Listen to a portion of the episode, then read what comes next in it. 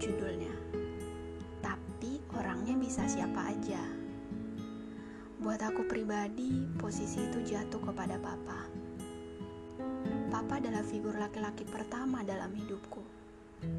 Ya meskipun aku nggak tahu pasti, dulu waktu aku lahir, apakah papa laki-laki pertama yang menggendongku, atau bisa aja itu pak dokter. aku gak bisa bayangin deh, gimana bahagianya papa waktu pertama kali lihat aku pas lahir. Entah mungkin dia merasa menjadi orang paling bahagia hari itu. Aku adalah anak paling kecil di keluargaku dan aku paling dekat sama papa. Kita saling berbagi apa pun itu. Karena papa nggak pernah pelit ilmu tentang bagaimana caranya menata hidup sama kami semua. Tapi entah kenapa, aku selalu merasa kalau kasih sayang papa ke aku itu porsinya lebih banyak daripada ke saudaraku yang lain. Ya mungkin karena aku anak bungsu, jadi papa ngerasa aku butuh lebih banyak bimbingan ditimbang dua saudaraku yang lain. Dia bisa jadi sangat sensitif jika itu bicara soal aku. Bahkan aku mau ngenalin pacarku pun itu aku harus mikir berkali-kali. Karena papa seprotektif itu memang orangnya. Dulu sempat mikir juga kayak ah, anjing kenapa sih susah banget cuman mau ngenalin pacar ke papa Sementara teman-temanku yang lain santai aja gitu ngenalin pacarnya ke orang tua. But I know how much he love me. And sometimes I can get very emotional if it's talking about my dad. As people say that father is the first love for his daughter.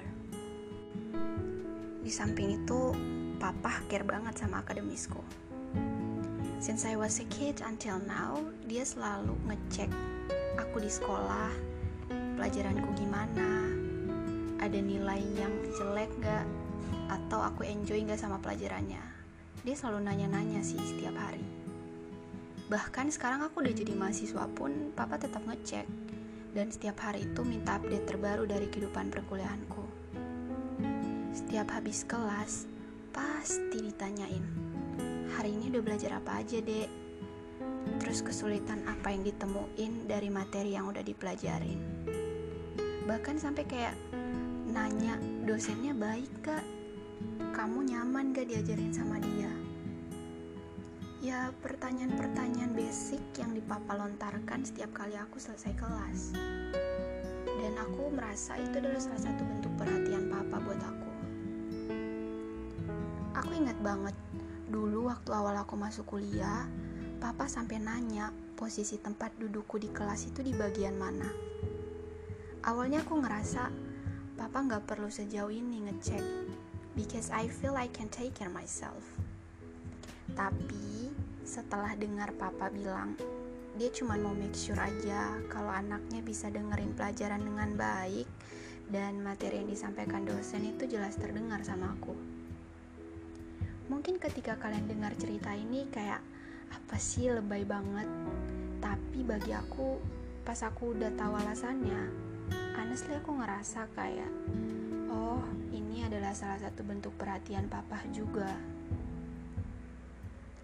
papa itu udah kayak mentor buat aku dia ngajarin banyak banget hal dari hal yang paling sederhana sampai hal yang paling rumit dia benar-benar tahu apa yang aku suka dan dia akan selalu support even saat aku ragu dengan kemampuanku sendiri. Tapi papa selalu yakinin kalau kita bisa. Anak papa pasti bisa. Anak papa pasti bisa lebih dari orang lain. Mungkin papa nggak sehebat dan sekuat ibunya Nadine di Bertaut. Papa nggak sesempurna Arjuna yang menyayangi Mada sampai akhir. Dia juga manusia kok yang punya limit tapi bagi aku papa itu panutan dan aku jadiin papa sebagai role model di hidupku. Dia bijak banget dalam mengambil keputusan dan menyelesaikan masalah. Di samping itu juga, dia tetap ngasih yang terbaik buat anak-anaknya semampu dia dan sebisa seterbaik yang dia kasih. Dia akan cari cara apa pun itu, yang halal ya tentunya supaya anak-anaknya bisa berpendidikan seperti anak-anak orang lain. Satu waktu papa pernah bilang gini sama aku, Enu, Enu itu panggilan sayang ya buat anak cewek khasnya orang Manggarai. Papa ngomong kayak gini, papa nggak apa-apa tinggal di rumah yang sederhana dan jelek. Tapi asalkan anak papa tiga-tiganya itu berpendidikan dan jadi orang hebat, serta jadi orang yang disegani dan dihormati di masyarakat nanti. Itu bekal yang papa dan mama kasih buat kalian.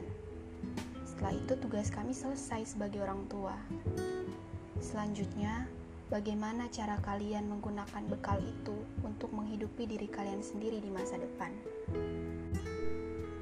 Setiap duduk berdua sama papa, kita selalu ngomongin banyak hal dari yang paling simpel sampai yang paling kompleks sekalipun. Dan kalau kita ngobrol, itu bakal dibahas sampai ke detail-detailnya. Kemarin aku sama papa sempat ngobrol soal apa yang bakal aku lakuin setelah aku tamat nanti. Maksudnya setelah aku lulus kuliah. Papa bilang aku mau langsung kerja atau mau lanjutin S2 dulu. Tapi papa nggak langsung minta aku ngasih keputusan soal itu sebelum itu dia dengerin dulu aku maunya gimana dan dia bilang bakal menghargai apa pun keputusan yang aku buat karena papa yakin dan percaya kalau aku udah cukup dewasa untuk menentukan apa yang akan aku jalanin di hidupku sendiri. Aku tahu papa naruh harapan besar banget sama aku. Dan papa adalah orang yang paling gak mau aku bikin kecewa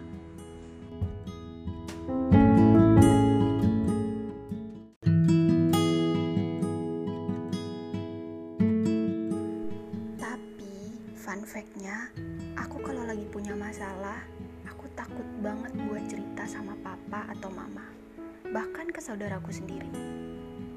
Gak tau kenapa, aku gak mau aja mereka itu kepikiran sama problem yang aku punya. Karena aku tahu mereka juga punya masalahnya masing-masing. Aku lebih memilih untuk memendam itu sendiri dan biarin itu hilang seiring berjalannya waktu sambil aku cari jalan keluarnya push me so hard sampai aku bisa kayak sekarang.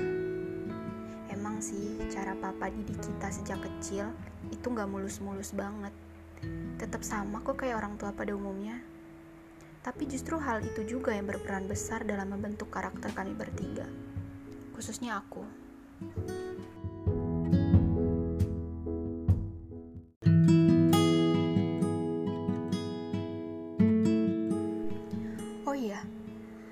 Punya satu pengalaman berharga banget yang aku bersyukur papa ada saat itu.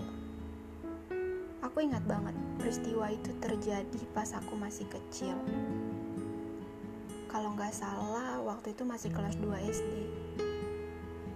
Jadi, dulu waktu kecil, aku tuh sering sakit-sakitan.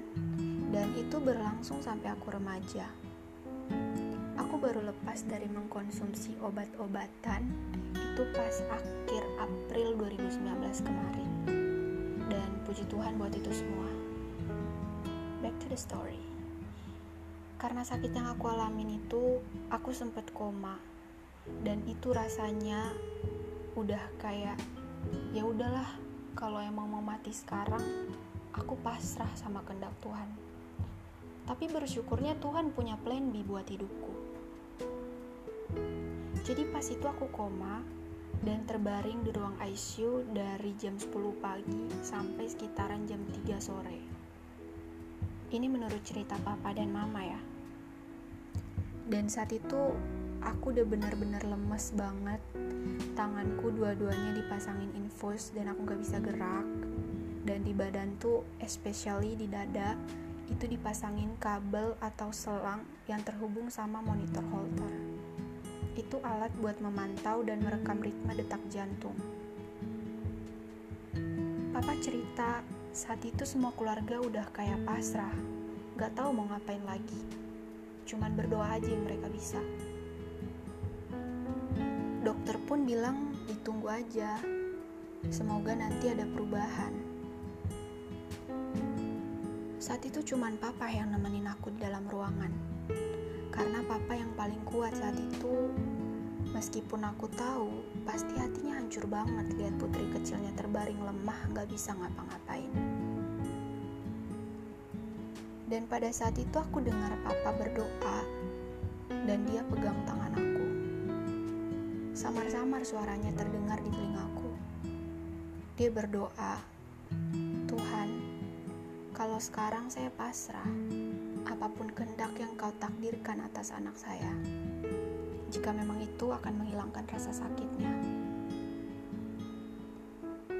Ajaibnya Tuhan dengar doa papa saat itu.